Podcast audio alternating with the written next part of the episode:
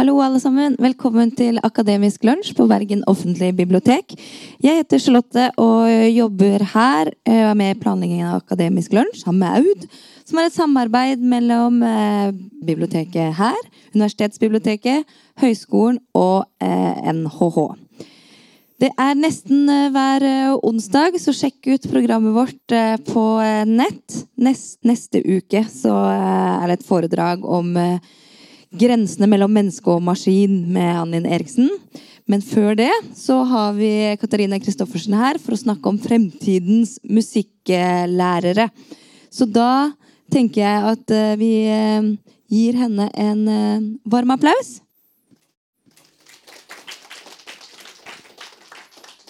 Takk for det. Og kjekt å, kjekt å se dere her. Jeg er professor i musikkpedagogikk. Og jeg jobber med lærerutdanning på Høgskolen på Vestlandet. Og Der jobber jeg med å forberede studenter til framtidig yrkesliv som lærere, og da særlig i eh, musikkfaget. Og Jeg er òg utdanningsforsker. Jeg har eh, tidligere forska på samarbeid mellom eh, musikere og lærere i klasserommet. Jeg har forska på musikkfag i skolen og på undervisning i høyere musikkutdanning. Og akkurat nå så jobber jeg med lærerutdanningsforskning. Og Det er det som er bakgrunnen for at jeg er her i dag. Eh, At jeg er prosjektleder for et treårig forskningsprosjekt som handler om musikkfaget i lærerutdanning. Og Det prosjektet det heter Music Teacher Education for the Future. Og på kort så kaller vi det for FutureEd. Og Det handler kort sagt om at vi skal undersøke musikkfaget i lærerutdanninga, sånn som det framstår i dag. Men òg med henblikk på hvordan det kan tenkes å utvikle seg framover. Derav navnet FutureEd. Og eh, Prosjektet det er inne i sitt siste år, og arbeidet pågår for fullt. Ikke alt er ferdig analysert, skrevet eller publisert. Eh, Så det jeg skal gjøre i dag, er at jeg skal presentere noen delresultat for dere. Og så skal jeg knytte noen overordnede refleksjoner til det. Og Fokuset mitt i dag det er på disse spørsmålene her. Hva vet vi om det som skjer i utdanning av musikklærere i Norge? Hvem er de fremtidige grunnskolelærerne i musikk? Hva tenker de om utdanning å si, og hva er de opptatt av i profesjonsutøvelsen sin? Hva rammer og strukturer har de rundt seg i utdanninga? Og hva rom finnes det for kritisk tenkning og nyvinning? Før vi går konkret inn på disse spørsmålene, så skal jeg gi litt kontekst til dagens tema. Ved å kort si noe om musikkfaget i skole- og lærerutdanning. For Det som foregår i lærerutdanninga, henger jo selvfølgelig sammen med det som foregår i skolen. Og Opprinnelsen til musikkfaget den finner vi i eh, kirka. Eh, fordi at elevene eller barn måtte jo lære seg å synge for å kunne synge fint i kirka til salmesangen. Og da var det jo viktig at lærerne kunne synge òg. Så dermed så var musikkfag i skolen det var lenge et sangfag. Som hadde sin opprinnelse i salmesang. Men eh, den formelle starten på musikkfaget i skolen det regna vi til 1960. Da kom det en læreplan som erstatta sangfaget med et bredere musikkfag. Som både inkluderte sang, spill og musikkforståelse.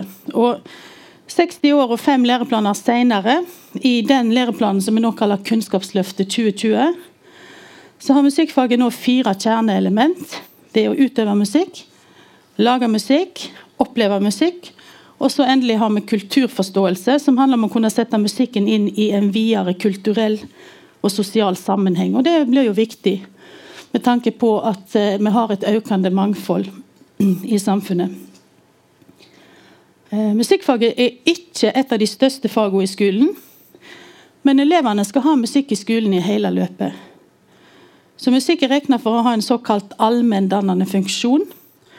Og Det betyr at det å kunne noe om og i musikk blir da regna som viktig for den enkelte sin utvikling og for å kunne fungere vel i samfunnet. Så Det blir altså viktig, en viktig del av kunnskapsgrunnlaget for borgerne våre å kunne noe om og i musikk.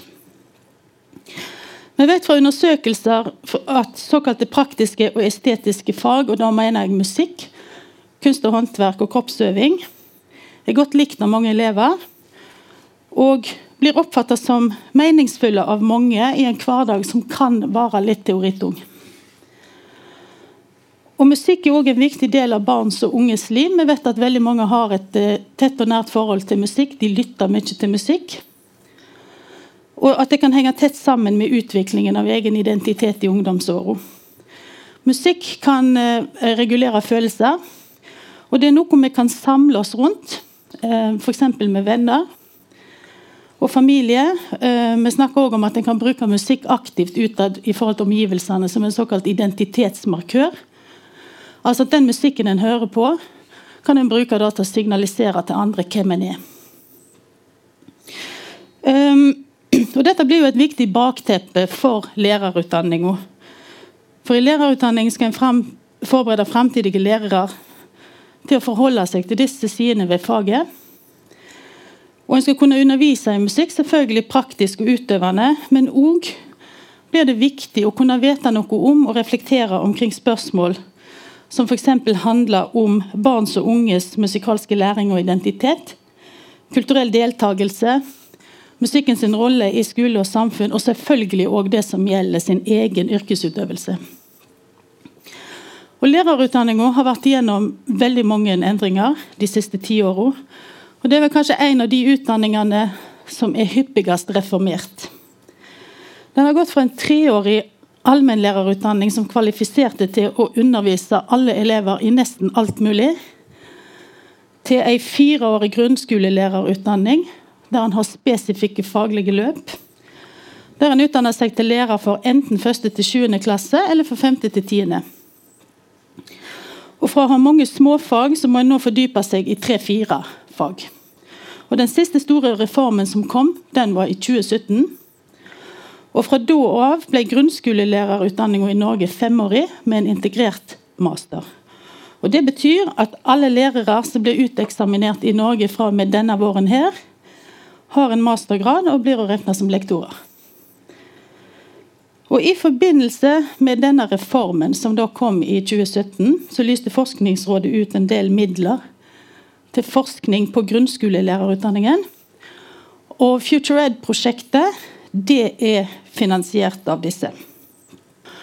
Um, dette prosjektet, som altså er en forkortelse for Music Teacher Education for the Future, det er et treårig forskningssamarbeid mellom Høgskolen på Vestlandet og Oslo Met, altså Oslo Metropolitan University. Uh, og Det er to av de største utdanningsinstitusjonene når det gjelder lærerutdanning i Norge. Og som jeg sa, så handler FutureEd-prosjektet om å undersøke musikkfag i lærerutdanninga med et tredelt siktemål.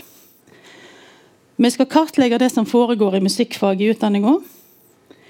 Vi skal se på hvordan en kan jobbe med å utvikle kritisk refleksjon og det vi kaller for agency, som vi kanskje kan forklare med en handlingsrom eller handlingsevne. Og Så skal vi se på hvordan vi i lærerutdanninga kan samarbeide med praksisfeltet om å utvikle undervisningsformer i musikkfaget. Og For å lære noe om dette så har vi gjort ulike delstudier. Vi har f.eks. gjort spørreundersøkelser, det som vi kaller for survey, blant studentene. Vi har studert styringsdokumenter for utdanningene. Vi har intervjua studenter. Vi har vært både på campuser på universitet og høgskoler og i skoler og jobba med lærerstudenter og lærere om å utvikle praktisk undervisning gjennom det vi kaller for aksjonsforskning.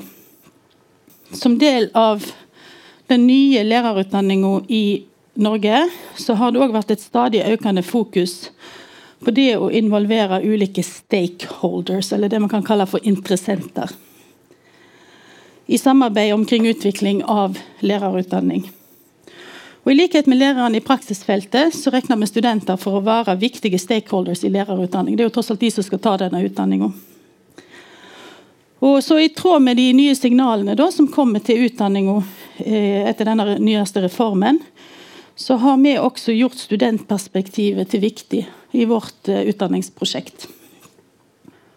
La oss da se litt på resultatene fra en survey, altså en spørreundersøkelse, som eh, prosjektdeltaker Eyolf Nysæter gjorde blant studentene som tok musikk som del av lærerutdanninga si mellom april og august i 2020. Og I denne undersøkelsen så har han kartlagt bakgrunnen til studentene. Hvordan de ser på musikkfag i lærerutdanninga. Og hva tanker de har om det om å være musikklærer i skolen. Og Da ser vi at svarprosenten her er 65% Det er bra. Det gjør at vi kan se på svarene som pålitelige. Og Jeg skal løfte frem noen resultat fra surveyen. og Ellers kan de som er interessert i detaljene, ta en kikk på selve publikasjonen. Den ligger åpent tilgjengelig på nettsidene til et tidsskrift som heter Nordic Research in Music Education. nrme.no. Så altså Hvem er studentene? Hvorfor har de valgt utdanninga de går på, og hva tenker de om utdanninga si og skolen? Det store bildet viser at de er en nokså homogen gruppe. Altså De er nokså uensarta, de ligner på hverandre. Både kulturelt og sosioøkonomisk. Og de skiller seg ikke nevneverdig fra det vi vet fra andre større studier av lærerstudenter i Norge. De er født i Norge, de har i liten grad minoritetsbakgrunn. De har yrkesvalg som ligner på foreldrene sine, som også ofte har høyere utdanning. Og de har folk i nær familie som jobber med barn, og en del har òg lærere i familien sin. De er stort sett kvinner. Og her er uh, tallet på kvinner er litt lavere enn det vi ser nasjonalt. For nasjonalt i lærerutdanninga er kvinneandelen på 74% mens i vår undersøkelse er det 61 Men stort sett så er vår uh, populasjon ligner på de andre studentene som tar lærerutdanning. Hvis vi ser på den musikalske bakgrunnen som studentene har, så er det noen variasjoner her. Men grovt sett så ligner studentene på hverandre her òg. Oppvekstmessig så har musikken vært en viktig del av oppveksten deres. De har lytta til musikk hjemme, de har tilgang på instrument, og de har hatt både slekt og venner som har drevet med musikk.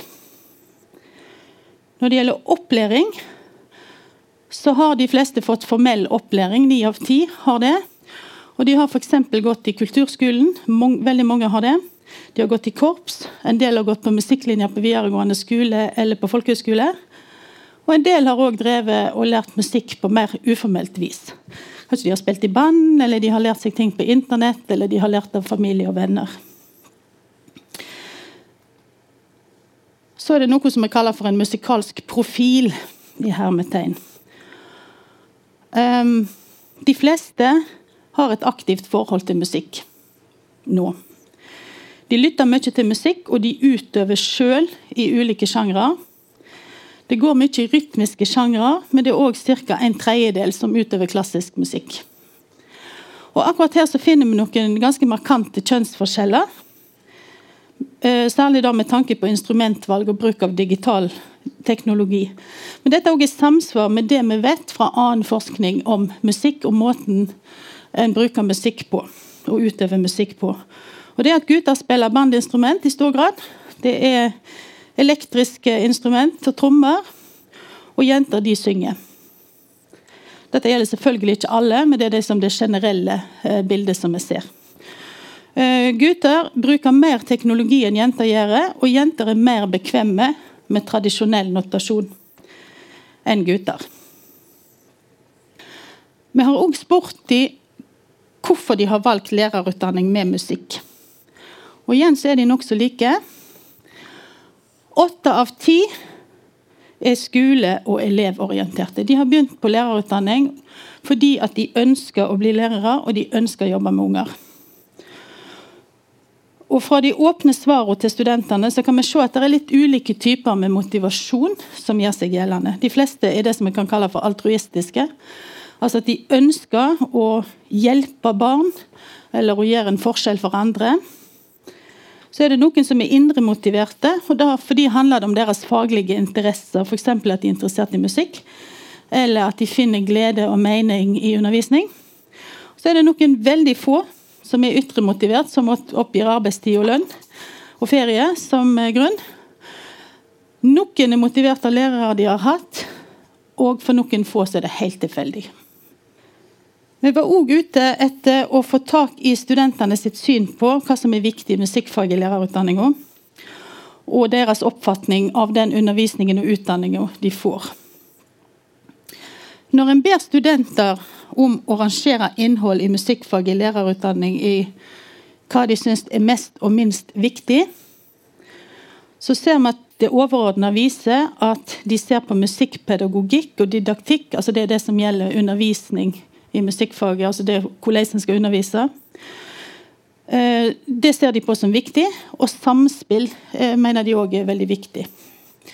Det studentene rangerer som aller minst viktig, er eh, musikkhistorie og akademisk lesing og skriving. Og det er akkurat det siste er kanskje litt interessant med tanke på at de faktisk har begynt med et masterstudium.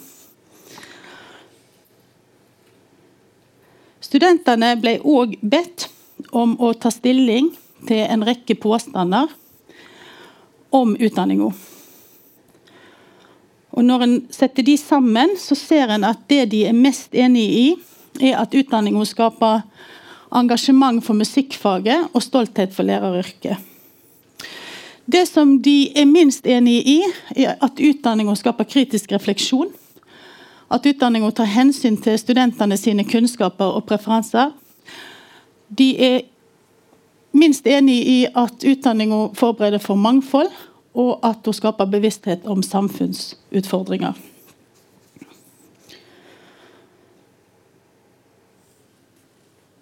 Så har vi spurt dem om hva de tenker om musikkfag i skolen og egen framtidig undervisning. Og deres topp tre Eh, prioriteringer på spørsmålet om hva de syns er viktigst i musikkfag i skolen, så er det å spille i grupper eller band.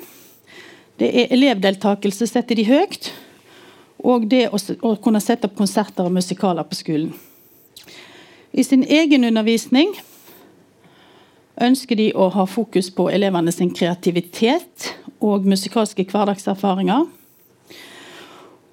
Og når det gjelder ønska utfall av egen undervisning, så oppgir studentene at de ønsker i stor grad å skape mestring, musikkglede og trivsel for elevene. De er lite opptatt av å skape kritisk refleksjon og diskusjon. Når studentene blir bedt om å rangere de viktigste kompetansene for en musikklærer, så skårer klasseledelse høyt fulgt av det å kunne veilede elever i samspill og flerstemt sang, og kunne spille ett eller flere instrument. Så sammen til sammen så gir dette et bilde av at studentene i stor grad oppfatter musikkfag i skolen som et praktisk og utøvende fag. Og at de legger forholdsvis lite vekt på teoretiske og refleksive sider ved faget. Og at de i tillegg da er elevorienterte, kanskje snarere enn innholds- eller musikkorienterte.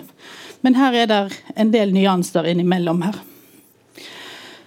Så har vi òg spurt de, ønsker de å bli musikklærere. Ja, sier 90% Det er jo fint. Men det er fortsatt 10% som har sagt nei. Um, og Hvis vi da ser på de som har svart nei, så kan vi for det første se at det er en klar overvekt av kvinner. 15 kvinner har sagt nei. Eh, mot fem menn og en som ikke ville oppgi eller hva de identifiserer seg som. Og så ser vi at Hovedgrunnen, altså det som de fleste oppgir som grunn, er at de ikke føler seg kompetente til å undervise i musikk. Og så er det noen svaralternativer som samlet sett indikerer at de heller vil undervise i andre fag enn musikk. De vil fortsatt kanskje bli lærere, men er ikke så interessert i å undervise i musikkfag. Og så er det noen få som sier at de vil ikke bli lærere likevel, og da trenger de jo heller ikke å undervise i musikk. Og denne informasjonen fra spørreundersøkelsen den reiser noen problemstillinger som kan være litt interessante for oss å se på. F.eks. det som gjelder rekruttering og kompetanse. Vi ser f.eks. at Studentene er en nokså homogen gruppe. Og Det betyr at, at rekrutteringa skjer fra et nokså smalt segment i befolkningen. Og Hvis en da ser litt frem i tid, så betyr det at det er en nokså etnisk, kulturell og sosioøkonomisk ensarta gruppe som kommer ut i skolen. Som, eh, og i en skole som nok er mer mangfoldig enn det vi ser her. Og Studentene sier jo òg at musikkfag i lærerutdanninga ikke forbereder de på denne type problemstillinger. Så en tanke vi kan ha da, er jo at det å håndtere problemstillinger til mangfold er noe en overlater til nyutdanna lærere å finne ut av sjøl når de kommer ut i skolen. Vi ser også fra spørreundersøkelsen at noen av de samme klasse- og kjønnsforskjellene som vi kjenner til fra andre områder, F.eks. fra kulturskolen. Der er jo gjort en del kulturskoleforskning. Vi ser at de òg gjør seg gjeldende i eh, lærerutdanninga når det f.eks. gjelder klassebakgrunn eh, og kjønnsfordeling på instrument. Og eh, Det reiser jo noen spørsmål også, tenker jeg, om lærerutdanningas rolle. Er det lærerutdanningas rolle eller oppgave å bidra til å bryte sånne kulturelle mønstre? Og på hvilken måte kan en i så fall gjøre det? En tredje ting som peker seg ut sånn umiddelbart, er spørsmålet om eh, kompetanse. Til tross for at studentene da formelt sett er kvalifisert for å bli tatt opp i utdanninga, så er det noen som sliter med å møte de kravene som faktisk blir stilt til de i undervisningen. Og Dette gapet mellom opptakskrav og faktiske krav det kan se ut til at det å produsere en eller annen form for frafall. Altså i alle fall at det er Noen som ikke ønsker å undervise i musikk. Fordi at ikke de føler seg kompetente. Uh, og Det reiser jo også noen spørsmål om hvor mye forkunnskap som kreves for å ta musikk i lærerutdanninga. Og hvordan en da eventuelt kan tilrettelegge for de som ikke klarer å henge med. Et utgangspunkt for uh, forskninga i prosjektet er synspunktet at utdanning er politisk og undervisning er ikke nøytral. Altså at utdanning og undervisning er ikke naturgitte størrelser, men de er virksomheter som er skapt med en hensikt, og som blir opprettholdt og videreutvikla i forhold til visse formål og interesser. Og For å eh, få en forståelse av hva som foregår i en utdanning, så er det jo ikke tilstrekkelig å spørre en gruppe mennesker, i dette tilfellet studentene, hva de mener og hva de gjør. Vi må òg se på den virksomheten de inngår i. De rammene og strukturene som er med på å legge føringer på handlingsrommet. Og hvordan disse strukturene blir oppfatta og forhandla. Og Sånne strukturer kan være med på å direkte regulere handling. Um, som f.eks. med eksamensforskrifter og vurderingsordninger. Det kan òg være mer implisitte ting som en eh, tar for gitt, og dermed heller ikke stille spørsmål ved. Og Det kan f.eks. være gjengse oppfatninger om hva musikkfaget bør inneholde, hva som er riktig viktig kunnskap osv. En av de tingene vi ser på i vårt prosjekt, er studentene sitt rom for handling, altså det jeg har kalt agency, og kritisk refleksjon. Og Generelt sett kan vi si at det handler om muligheten studentene får, og for den del tar, Ehm, til å kunne reflektere over og utforske spørsmål. Og kunne ta kontroll over sin egen situasjon, både her og nå og framover. Og nå skal jeg ta to uh, forbehold egentlig før jeg går videre. At for det første så er dette store, veldig komplekse spørsmål som er vanskelig å svare på en gang for alle. Sånn at Det handler kanskje snarere om å se på noen funn og så pirke litt i noen ting. Og så må jeg jo si at Analysene i prosjektet er ikke ferdige og publiserte, så her blir det mer min uh, refleksjon ut ifra det jeg har sett. Men når det gjelder rom for handling og kritisk refleksjon, så har vi jo ulike typer informasjon i prosjektet. Vi har f.eks. survey-data, altså fra spørreundersøkelsen. Og Der har vi hørt at studentene ikke oppfatter at dette med kritisk refleksjon er noe en legger vekt på i musikkfaget i lærerutdanning. Og og de ser òg at det ikke er noe de sjøl kanskje vil legge så stor vekt på. Vi har òg kvalitative intervjudata. Der studenter som har deltatt i aksjonsforskningsdelen av prosjektet, er veldig positive til å bli konfrontert med andre synspunkter. Um, og bli utfordra og få stimulert refleksjon. Og de veldig, snakker veldig varmt om det å utvikle en refleksivitet i forhold til sin egen yrkesrolle. Um, men så har vi òg observasjonsdata som um, viser at studentene kanskje er litt uvillige til å bruke tid på å, å jobbe med refleksjon. Hvis det er sånn at den aktiviteten f.eks. kommer midt i oppkjøringa til eksamen. Det er ikke alltid det, det de har lyst til å jobbe med. Og så har vi observasjonsdata som eh, viser at noe av de mest crazy scenarioer studentene så for seg for utdanninga si når de fikk fantasere fritt, det var gratis kaffe og workshops med døde hvite menn. Altså f.eks. Grieg og David Bowie.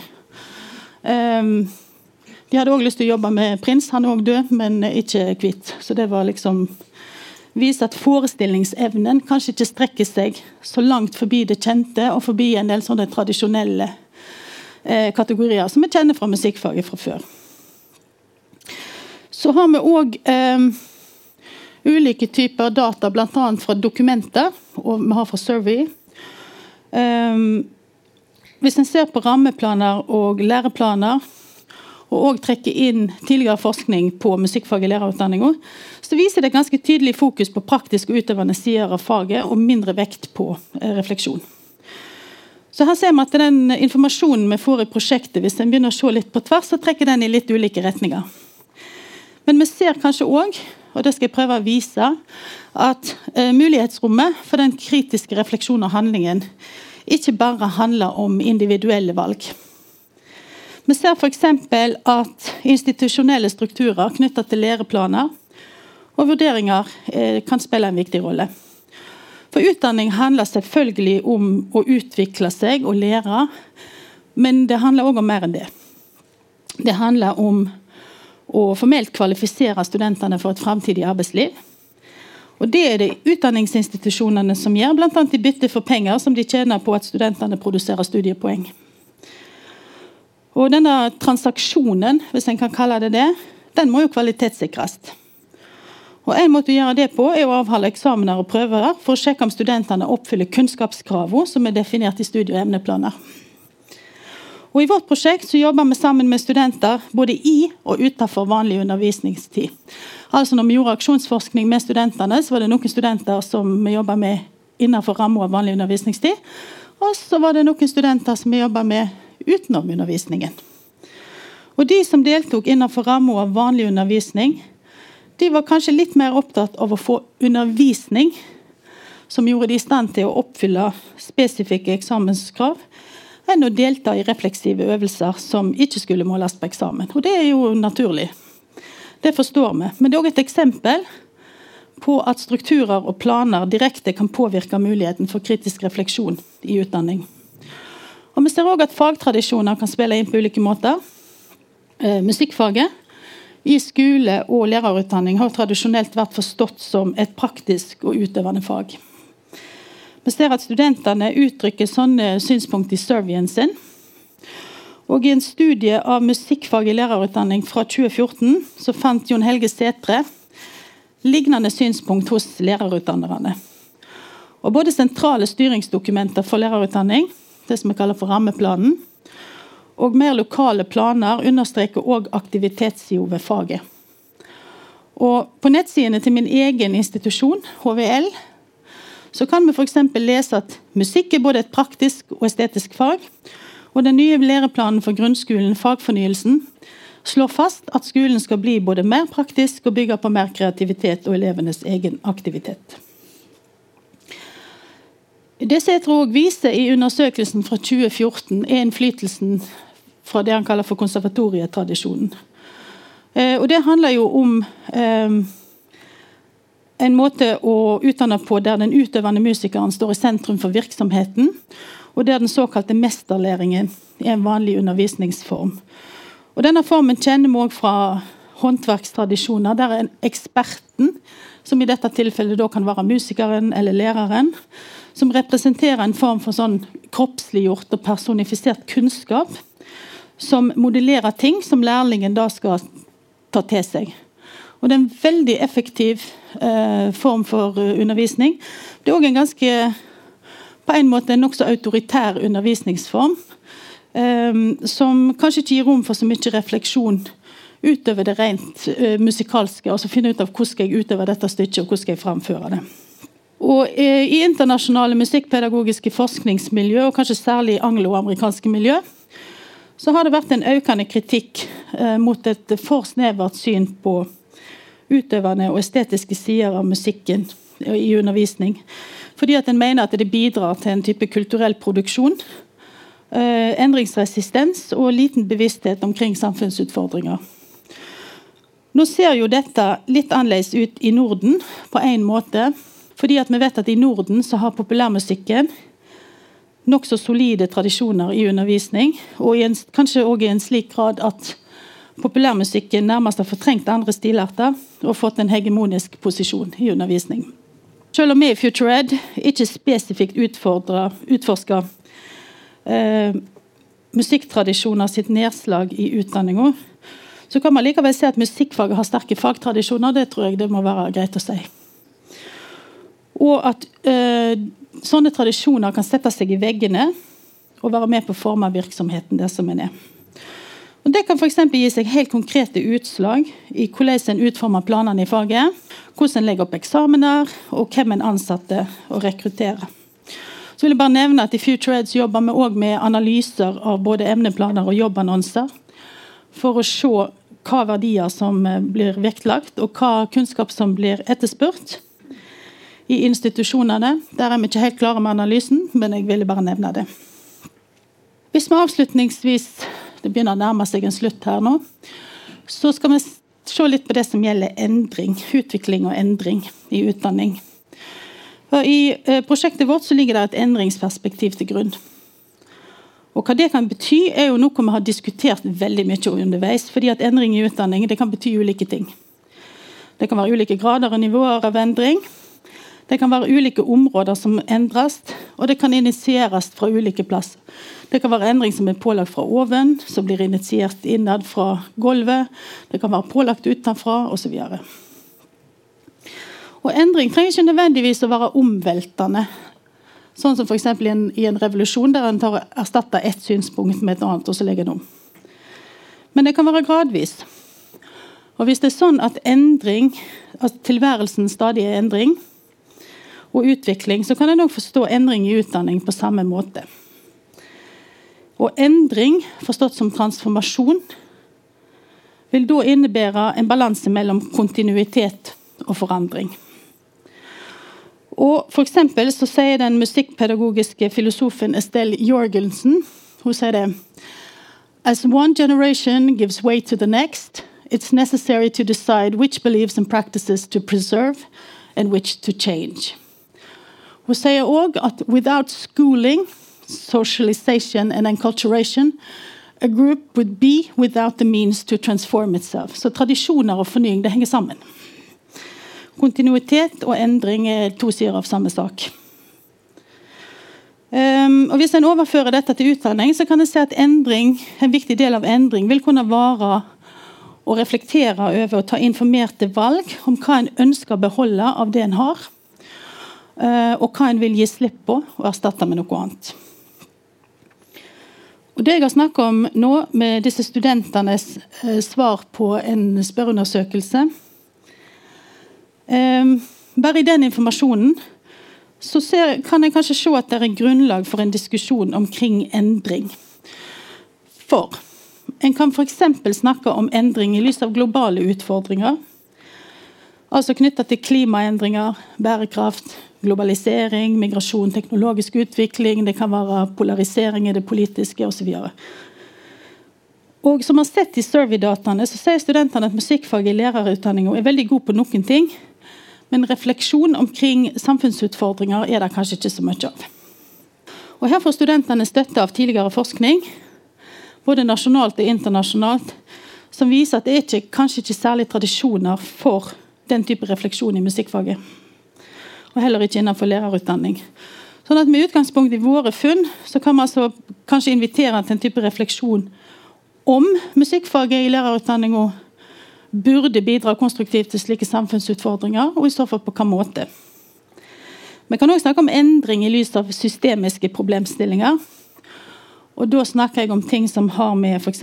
rase, kjønn, klasse, seksuell orientering, funksjonsnivå osv.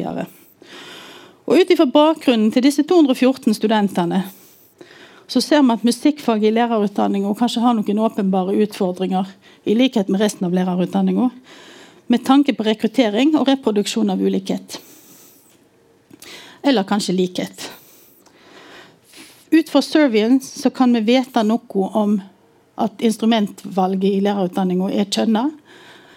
Um, men vi har ikke datamateriale til å si noe om beslekta problemstillinger. Vi kan f.eks. ikke si noe om kjønnsforskjeller, om kolonialisering eller kulturell appropriering i pensum og repertoar.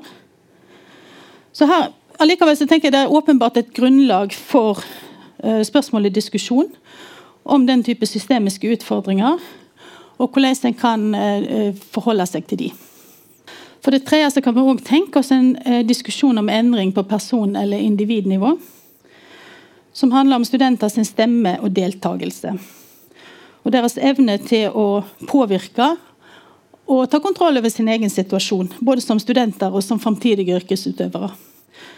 Servien viser at studentene Det er ikke alle studenter som føler at deres musikalske kompetanse blir verdsatt, f.eks. Vi ser også fra observasjon i andre delstudier i prosjektet at samarbeidet med praksisfeltet kan by på noen utfordringer i så måte. Eh, og En diskusjon som melder seg, er jo dermed hvordan en i utdanninga legger til rette for utvikling av uh, den profesjonelle agencyen til studentene her og nå, men òg for framtida. Og ikke minst hva praksiser har vi som uh, fungerer, og som vi kan bygge videre på i en utvikling av dette. Og da skal jeg avslutte. Utdanning, sier skoleforskeren Andy Hargraves, er mulighetenes viktigste portvokter og en svært mektig distributør av livssjanser. Utdanning, uansett hvordan en forstår eller definerer det, ser han tilbyr tilgang, makt og innflytelse, og gjerne til noen mer enn til andre. Å snakke om endring i utdanning kan derfor være litt omstridt på flere måter. Først fordi at ikke alle som er interessert i endring. Det kan være litt strevsomt, eller kanskje en syns det er bra sånn som det er nå. Men det kan òg være litt omstridt, fordi at ei, å, snakke om endring kan innebære en potensiell redefinering av verdier og en omfordeling av makt og muligheter. Og Da er vi bort på politiske spørsmål, og det blir jo da en viktig oppgave for oss forskere å holde tunga litt beint i munnen der og prøve å håndtere våre egne interesser og overbevisninger. Fordi at Vi som er forskere i FutureEd, vi er ikke bare forskere. Vi er lærerutdannere òg. Og vi er skåret over samme lest som mange av de andre som er inne i utdanninga. Og vi forsker i vårt eget felt, og det er ganske krevende. Eh, sånn at Vi ser ikke det nødvendigvis som vår oppgave å aktivt gå inn og endre utdanningen å gjøre tiltak eller peke på personer eller programmer. Det vi tenker, er at forskningen vår kan bidra til endring på den måten at den kan være med å gi et kunnskapsbidrag. Og et kunnskapsgrunnlag for en type refleksjon som kan informere beslutninger om hva som vi skal beholde, hva vi skal forkaste, og ikke minst hva vi skal erstatte med. Sånn at Formidling blir jo da en viktig oppgave for oss. Så det å fortelle om hva vi har sett, hva vi har funnet, hva vi har vært med på å utvikle, og så invitere til en samtale og felles refleksjon omkring det som foregår i utdanninga, det blir en veldig viktig oppgave for oss nå når prosjektet går mot slutten. Så Derfor så vil jeg bare si at tusen takk for at jeg fikk komme. Takk for meg. Takk for oppmerksomheten.